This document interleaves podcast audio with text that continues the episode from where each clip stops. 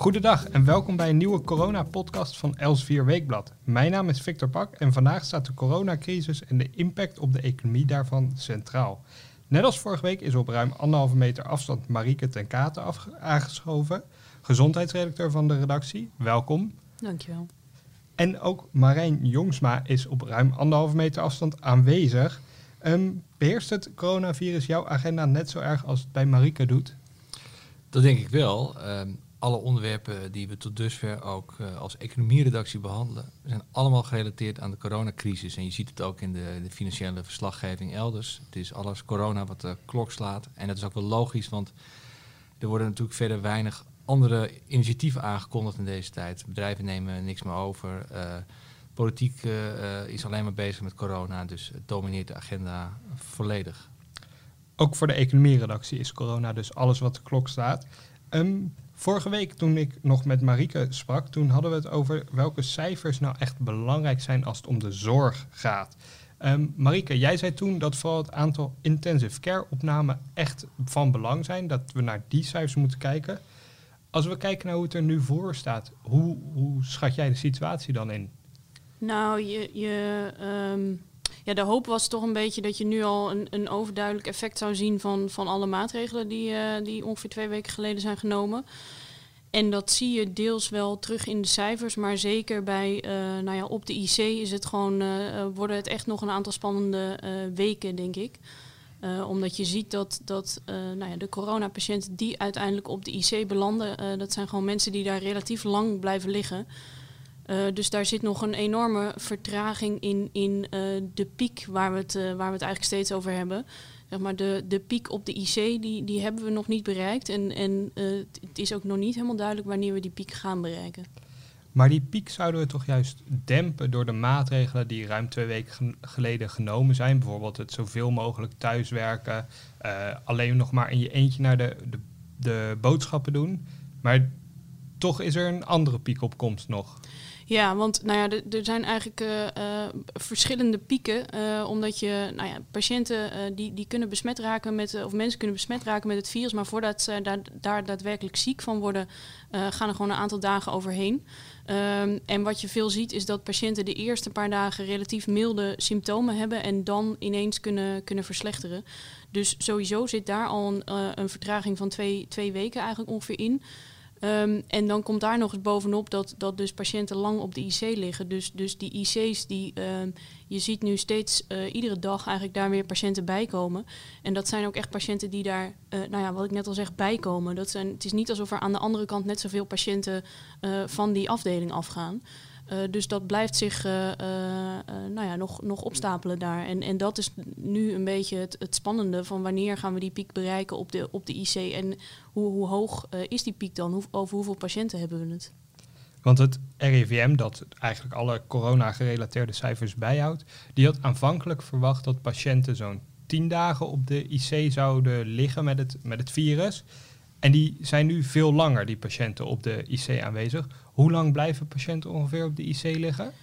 Ja, dat is nog niet helemaal duidelijk, maar um, um, ja, het, is ergens tussen de twee en de drie weken, maar het, het kan dus zelfs langer, uh, langer zijn.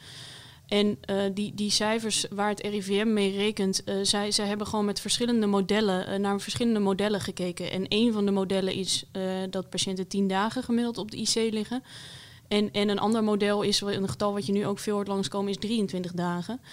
Um, en nou ja, de, hetgeen waar, waar uh, veel discussie over is, van is nou, is het RIVM uh, met achterhaalde cijfers aan de slag gegaan? En dat is gewoon nog heel moeilijk om, om dat echt te concluderen. Omdat je sowieso het RIVM kijkt dus naar verschillende scenario's. Dus, dus nou, de, de, de tien dagen was niet het enige waar zij, waar zij naar keken. Um, maar wat je ook ziet is dat in de eerste wetenschappelijke studies die, die over patiënten naar buiten zijn gekomen, bijvoorbeeld vanuit China, uh, daar gaat het over gemiddeld 8 tot 10 dagen uh, dat patiënten op de IC liggen. Um, komen steeds nieuwe studies naar buiten hoor, waar, waar het over een langere periodes gaat.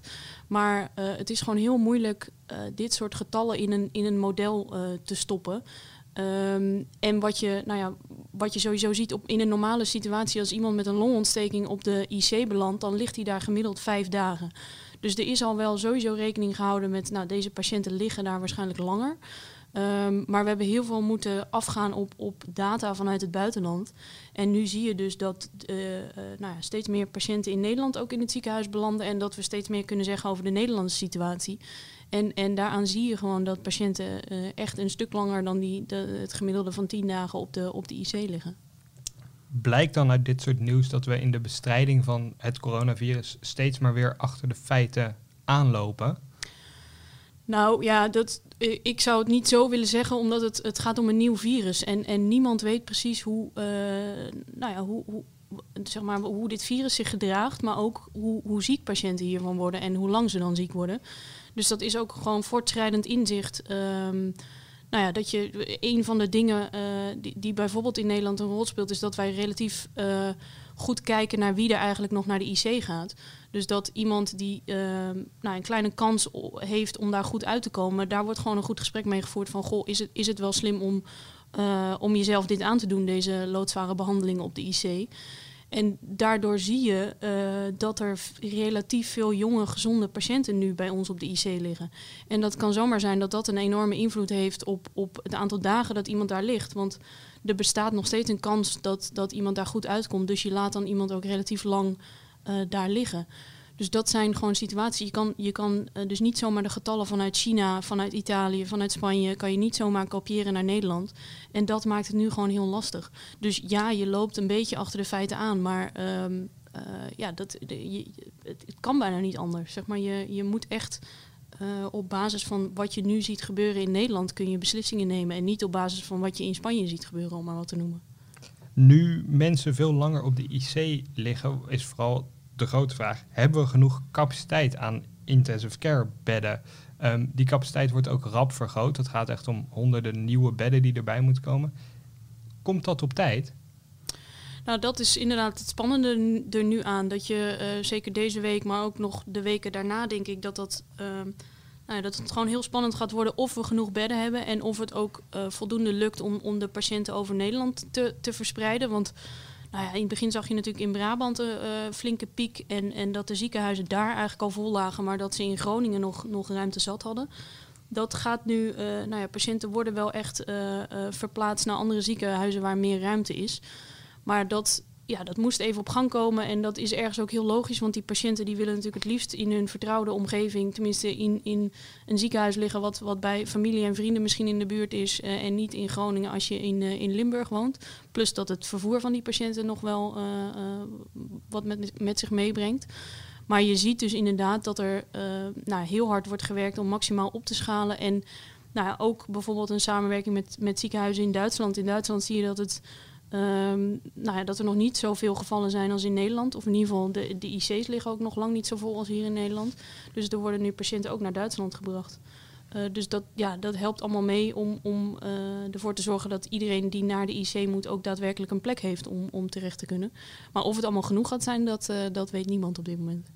Een belangrijke vraag daar ook bij is of we genoeg beademingsapparatuur kunnen maken. Um, Marijn, het Nederlandse Philips is, speelt daarbij een grote rol in de, in de medische apparatuur die nodig is. Um, ik ken het vooral van de lampjes die ik uh, af en toe moet uh, indraaien. Maar Philips is veel meer dan dat. Sterker nog, Philips heeft de lampjes al verkocht. Uh, ze heten nog Philips, die lampjes. maar het moederbedrijf van de lampjes heet tegenwoordig Signify. En hebben een eigen beursnotering. En die mogen nog heel lang de naam Philips gebruiken. Eigenlijk is de laatste 10, 15 jaar het concern een enorme gedaantewisseling ondergaan. De lampjes uh, zijn afgestoten, maar ook de tv's bijvoorbeeld. Die heten ook nog Philips, maar die worden ook door een andere partij gemaakt. Uh, ze hebben reeds aangekondigd uh, de huishoudelijke apparaten af te stoten. Dat is misschien achteraf niet de meest gelukkige timing, maar goed, dat is ook een proces waar ze de tijd voor kunnen nemen natuurlijk.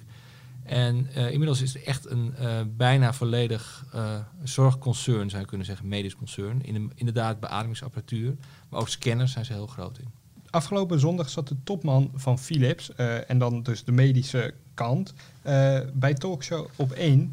En die had het daarbij over uh, het belang van de productieketen en dat die overeind moest blijven. Laten we even luisteren. Ja, ik ben heel veel in contact met, met regeringsleiders om elke keer weer onvermoeibaar uit te leggen dat we de grenzen open moeten houden. Want op het moment dat er één land de grenzen dichtgooit, doen anderen dat ook. En dan krijg je eigenlijk een domino-effect. dat die supply chain niet meer werkt en dat die hele uh, opschaling ook niet gerealiseerd wordt. Hij waarschuwt hierbij voor protectionistische maatregelen. Hoe groot is het gevaar, Marijn, dat landen apparatuur voor zichzelf gaan houden? Nou, dat gevaar is natuurlijk sowieso groot, maar het, punt is even, uh, die productieketens zijn heel complex. Dus als je als land zegt, ja, wij houden de productie voor onszelf, dan kun je heel makkelijk tegenreacties uh, oproepen van andere landen die zeggen, ja, dan leveren wij geen onderdelen meer. Dus het is niet zo dat, uh, dat als een, een beademingsapparaat bijvoorbeeld door Philips in de VS wordt gemaakt, dat alle onderdelen daarvan ook uit de VS komen. dus het is, een, het is een wijdvertakte keten van onderdelen. Waardoor het voor landen, misschien voor de bühne, heel aardig is om te zeggen: wij, wij houden het allemaal voor onszelf. Maar ze lopen daarmee het risico dat ze allerlei tegenreacties ontketenen. Waardoor die productie alsnog niet kan, plaats, alsnog niet kan plaatsvinden. Dus dat is het, het lastige eraan. Je zag dit ook bij de discussie over de vaccins gebeuren. Want dat is ook. Nou, daar, daar mengt Amerika zich ook even in de, in de hele discussie over als er, als er een vaccin komt, dan kopen wij de rechten daarvan. Ehm, ja, dat, zo simpel ligt het allemaal niet. Dat, dat klinkt heel, heel leuk om dat even zo te roepen. Maar ook in de, in de medicijnindustrie geldt dat er met heel veel andere landen samen wordt gewerkt qua grondstoffen, qua uh, onderzoek, onderzoek bij proefdieren. Dat, dat gebeurt allemaal in, in nou ja, heel veel verschillende landen. Dus die, die samenwerking heb je echt nodig om überhaupt een vaccin te krijgen. of überhaupt dus een beademingsapparaat te kunnen maken. Dus ja, er bestaat een soort, soort risico, maar ik, ik zie dit in de, in de praktijk nou niet echt gebeuren. De medische sector als geheel, dus zowel de productiekant van apparatuur als vaccin is dus wereldwijd een grote sector en zal dus wereldwijd moeten samenwerken om alles wat met dit virus te maken heeft op te lossen, als ik jullie goed begrijp. Ja, je kunt niet uh, een autarkie optuigen in een uh, paar weken tijd. Duidelijk. Um, als we naar de Nederlandse situatie kijken, dan kijken we toch ook naar onze eigen economie in principe. En die wordt keihard geraakt door het coronavirus. Het Centraal Planbureau had uh, eigenlijk gewoon nare voorspellingen voor het komend kwartaal en de tijd daarna. Um, hoe somber zijn de vooruitzichten, Marijn? Ja, het CPB heeft gewerkt met vier scenario's. Uh, dat geeft ook wel aan dat ze, dat ze eerlijk toegeven dat ze het ook niet weten. Uh, het is ook heel verstandig overigens om met scenario's te werken, want dan kun je gewoon laten zien van nou als dit gebeurt dan zijn dit de effecten en als dat gebeurt zijn dat de effecten. Uh, grofweg komt erop neer dat ze rekenen met een scenario van drie maanden en een scenario van zes maanden lockdown, zeg maar, of althans verregaande beperkingen, zoals het sluiten van cafés en restaurants en reisbeperkingen. En dat ze dan nog erbij gaan kijken van ja, in hoeverre zijpelden de problemen door naar de financiële sector. En dan krijg je dus een best een grote bandbreedte van krimp. Dat varieert van min 1,2 procent uh, voor dit jaar, krimp van het nationaal inkomen, tot uh, bijna min 8 procent. Dus dat is een enorme, enorme uh, brede marge eigenlijk de mate van krimp is dus lastig te voorspellen. Maar dat we achteruit gaan staat vast. Dat zei de directeur van het Centraal Planbureau ook bij Nieuwsuur. Ik denk dat, uh, wat ik gezegd heb, dat de economie er op zichzelf goed voor staat. Dat Nederland ook een klap kan hebben. Die gaat nu hard. Maar tegelijkertijd doet de overheid wat nodig is. Hè. Die zorgt dat de geldstromen op gang blijven. Dat er inkomensvoorzieningen zijn voor ondernemers, voor werknemers. En daardoor zouden we ook weer snel na dit slechte kwartaal en het volgende kwartaal, dus in de tweede helft van het jaar, weer snel kunnen herstellen. Hij zegt dus dat we in de tweede helft van het jaar misschien wel weer kunnen groeien. Is dat het meest waarschijnlijke scenario of weten we dat gewoon niet? Het is het meest uh, scenario waar het meest op gehoopt wordt. En dat, uh, dat noemen economen een, uh, een V-vormig herstel. Dus een, een snelle krimp gevolgd door een heel snel herstel. Maar inmiddels zijn er ook allerlei andere letters de revue gepasseerd. De U bijvoorbeeld, dat betekent dus dat je een lange periode van stagnatie hebt, gevolgd door een scherp herstel. Een W, dat je denkt, hé, hey, het herstelt weer, het zakt toch weer terug. Alsnog herstel. De L, dat is het ergste. Dat betekent dus dat je heel hard omlaag gaat, dat je heel lang eigenlijk op een laag niveau functioneert. Dat, is, dat zou zelfs kunnen uitmonden in een depressie. En een depressie is zeg maar de, de ergere vorm van de recessie, namelijk niet een tijdelijke krimp, maar een, een langdurige krimp. De Nederlandse overheid die zegt er alles aan te doen om dit nood, noodscenario, wat ik een de depressie wel vind, te voorkomen. Uh, er wordt een heel groot steunpakket opgetuigd. Hoe gaat dat in zijn werk? Kan Wopke Hoekstra die miljarden gewoon ergens spinnen? Helaas niet. Uh, hij moet het geld lenen. Um, het is Wopke uh, Hoekstra vooral, is er vooral op gebrand om te voorkomen dat de schade van een tijdelijke lockdown, zou je kunnen zeggen, zo groot is dat als we eenmaal herstellen, dat de economische veerkracht heeft verloren. Dat is het grootste risico, dat het ook doorslaat naar banken, et cetera. dat geld kan hij dus niet pinnen. Dat moet hij lenen op de kapitaalmarkt. Gelukkig staat Nederland er goed voor in vergelijking met veel andere landen. We zaten op een heel laag niveau van de staatsschuld als percentage van het nationaal inkomen. Maar dat gaat nu wel heel snel oplopen. Maar over de financierbaarheid in Nederland zijn, zijn niet zo heel veel zorgen tot dusver. En met die, die maatregelen die Hoekstra dan neemt, hij stuurt echt aan op die, op die letter V, zeg maar. Dat we een snelle. Ja, ja absoluut. Hij stuurt zeker aan op, op de letter V. En uh, en daarom uh, heeft hij ook al meteen eigenlijk aan het begin van de coronacrisis gezegd... we hebben 90 miljard te besteden. En dat is toch een behoorlijke uh, sloot geld natuurlijk. En als je kijkt naar de, de regelingen zoals die zijn opgetuigd... Uh, met loonkostensubsidies tot 90% van het inkomen... ja, dat is toch wel een, een heel fors pakket. Het, is, het is geen, geen zuinigjespakket, zou ik willen zeggen. En kunnen wij dat ook aan als, als die V een U wordt kunnen we dan nog steeds uh, het geld daarvoor opbrengen? Want 90 miljard klinkt als heel veel, maar hebben we daarna ook nog ruimte over? Nou ja, dat is de grote vraag. Uh, als, het hangt een beetje vanaf uh, welke, welke typografie je voor de U gebruikt natuurlijk. Maar als, het een, als het lage deel heel lang wordt, ja, dan, dan, dan op een gegeven moment, dan komt ook in Nederland komen de grenzen van financierbaarheid in zicht. Uh, we hebben ook nog een heleboel andere uitdagingen waar uh, in principe geld in zou moeten worden gestoken. Althans, wat het kabinet graag wilde, zoals energietransitie, et cetera. Dat komt natuurlijk op een gegeven moment allemaal in het, in het gedrang. Um, dus de, inderdaad, de grote vraag is: de, de, de ruimhartigheid van de regeling is eigenlijk erop gebaseerd dat we heel snel uit het dal komen. Maar als dat niet lukt, dan, dan, dan ga je geheid discussies krijgen van ja uh, we moeten misschien toch maar wat minder gul worden, want uh, dit kunnen we op lange termijn niet financieren. Over gulheid is er ook op Europees niveau veel te doen. Uh, Italië wil nadrukkelijk financiële steun, maar ook medische steun. Want de situatie met het coronavirus is daar heel heftig. Marike, wat is er precies in Italië aan de hand? Nou, het is daar um, uh, ineens met een flinke piek eigenlijk gegaan, het aantal besmettingen. Dus, dus uh, het heeft zich ontzettend snel ontwikkeld daar. En, en je ziet dat, dat daar gewoon niet, uh, eigenlijk niet snel genoeg op gereageerd is. Um, en nou ja, de, de beelden uit Italië kent iedereen volgens mij van de, van de ziekenhuizen die daar overvol zijn. En, en nou, de hoeveelheid mensen die, die daar begraven moet worden. Um, en dat, ja, dat heeft een enorme impact. Kijk, als je nu naar de Nederlandse situatie kijkt dan, dan uh, heeft dat ook de, zeg maar, de maatregelen die wij hier genomen hebben. En, en het personeel in het ziekenhuis is, is hartstikke hard aan het werk. Dus dat heeft ook een enorme impact. Maar we zitten nog niet op in, in situaties zoals Italië, dat je echt mensen nee moet verkopen die je eigenlijk een, een IC-bed normaal gezien zou aanbieden. Dus dat, uh, nou ja, dat, dat heeft een enorme invloed op de situatie in, in Italië. Um, en wat je nu ook wel ziet gebeuren is, uh, er gaan Nederlandse patiënten naar Duitsland, maar er gaan ook Italiaanse patiënten naar Duitsland.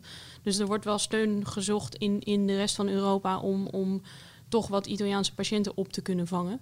Uh, maar ja, daar zit natuurlijk een grens aan. In, in Duitsland uh, is ook al een paar keer gezegd van ja, we, we willen best wat patiënten opnemen, maar we gaan niet alle ziekenhuizen hier volleggen. Want, want ook Duitsland weet niet hoe uh, dit virus zich gaat, gaat ontwikkelen in dat land. En, en zij, zijn, zij staan er nu nog relatief gezien goed voor. Uh, maar dat kan over een week, uh, twee weken ineens heel anders zijn. Dus zij willen toch ook gewoon bedden vrij houden voor, voor de Duitsers die, die eventueel naar het ziekenhuis moeten. De medische noodsituatie zoals die in Italië is, die heeft ook heel grote impact op de economie daar, neem ik aan, Marijn. Zeker. En um, het begon ook nog in de meest, uh, het meest rijke deel van Italië, in het meest productieve deel van Italië, het noorden, uh, wat al vrij snel dicht ging. Dus dat heeft direct ook impact op de economie, want daar wordt het geld verdiend. Uh, komt bij dat Italië eigenlijk al, al jaren ehm, op de rand van een recessie balanceert. Beetje groei, bijna recessie, beetje groei. Ze hadden al een hele hoge staatsschuld, die loopt nu nog verder op. Dus ze hebben veel minder veerkracht dan Nederland bijvoorbeeld. Maar nu vragen ze wel aan Nederland voor financiële steun. Hoe speelt die discussie zich precies af? Want ik begrijp dat de Nederlandse regering niet heel happig daarop is. Nou, deze discussie speelt zich af in de Europese arena. En uh, er zijn nu, uh, vanuit Italië is er de roep om de schulden gezamenlijk te financieren. Dat, dat, dat is een idee wat uh, voortdurend opkomt. Dat leefde ook heel erg tijdens de Europese schuldencrisis 2011-2012. Van waarom gooien we onze schulden niet op één hoop? Hè? En gaan we dan gezamenlijk obligaties uitgeven? Dat zijn dan met een mooi woord de eurobonds.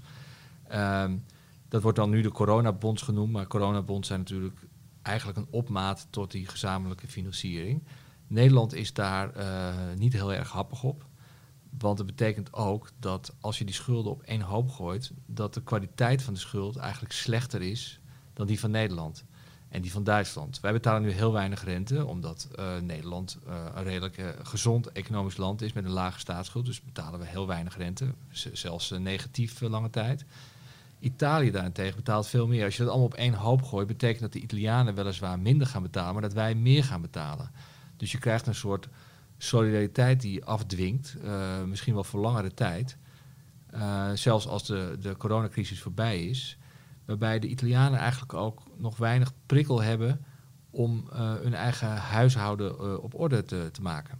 En dat is eigenlijk een, een, probleem wat een lange tijd speelt. Omdat de ECB natuurlijk de rente ook nog eens een keer heel laag houdt. Dus uh, als de Italianen niet in de euro hadden gezeten, dan hadden ze al veel eerder de effecten van hun uit de hand lopende begroting ervaren. Voor Nederland is het dus aantrekkelijk om de, om de schuld zelf te blijven beheren en die niet te gaan delen met Italië. ja, maar het is natuurlijk een, een, een, een, tactisch spel wat gespeeld wordt. In die zin dat Nederland heeft ook geen baat bij als Italië onderuit gaat. Hè? We hebben destijds met heel veel geld de Grieken gered als Europa dat was niet alleen omdat we zoveel van de Grieken houden, maar ook omdat er heel veel geld van Noord-Europese banken in Griekenland zat. Dus als Griekenland onderuit zou gaan, dan zou het hele Europese stelsel meegesleurd worden. En dus zeker als exportland uh, hebben we helemaal niets aan als Italië onderuit gaat. Dus er zijn ook zeg maar, economische redenen, even los van het humanitaire aspect waar we het net over hadden, zijn er ook hele goede economische redenen om Italië niet onderuit te laten gaan. Alleen de vraag is, hoe ga je dat regelen? Er zijn ook systemen, denk ik, waarbij bij, uh, de Italianen hulp geeft en er toch voorwaarden aan stelt, waardoor ze bepaalde hervormingen misschien moeten doorvoeren. Je zou dan meer denken aan een soort economisch uh, steunfonds, zoals we dat volgens mij ook voor Griekenland hebben gedaan na de economische crisis zoiets in plaats van dat delen van je schuld. Ja, de Grieken die moesten bijvoorbeeld hun belastinginning op, op orde brengen. Die moesten allerlei dingen gaan doen. En daar waren ze helemaal niet blij mee, maar dat moesten ze wel doen. Uh, maar de Italianen willen dat niet. Die willen niet onder curatele gesteld worden. En dat begrijp ik ook, uh, vanuit hun standpunt. Alleen vanuit ons standpunt is het natuurlijk niet de meest logische gang van zaken. Want je hebt een, land in de eurozone die de boel niet op orde heeft. Ook niet toen de economische groei redelijk was uh, in de wereld en uh, er geen coronacrisis was. Nu is er crisis en er is weer een argument om het nog verder uit de hand te laten lopen. En ik denk dat het, het idee van Wopke Hoekstra is en ook van andere Noord-Europese ministers van Financiën om te voorkomen dat Italië uitgroeit tot een tweede Griekenland. En dan wel een Griekenland maal zoveel. Want Italië is veel groter ja, in omvang. Italië is een hele grote economie is veel belangrijker binnen de eurozone dan Griekenland. Duidelijk.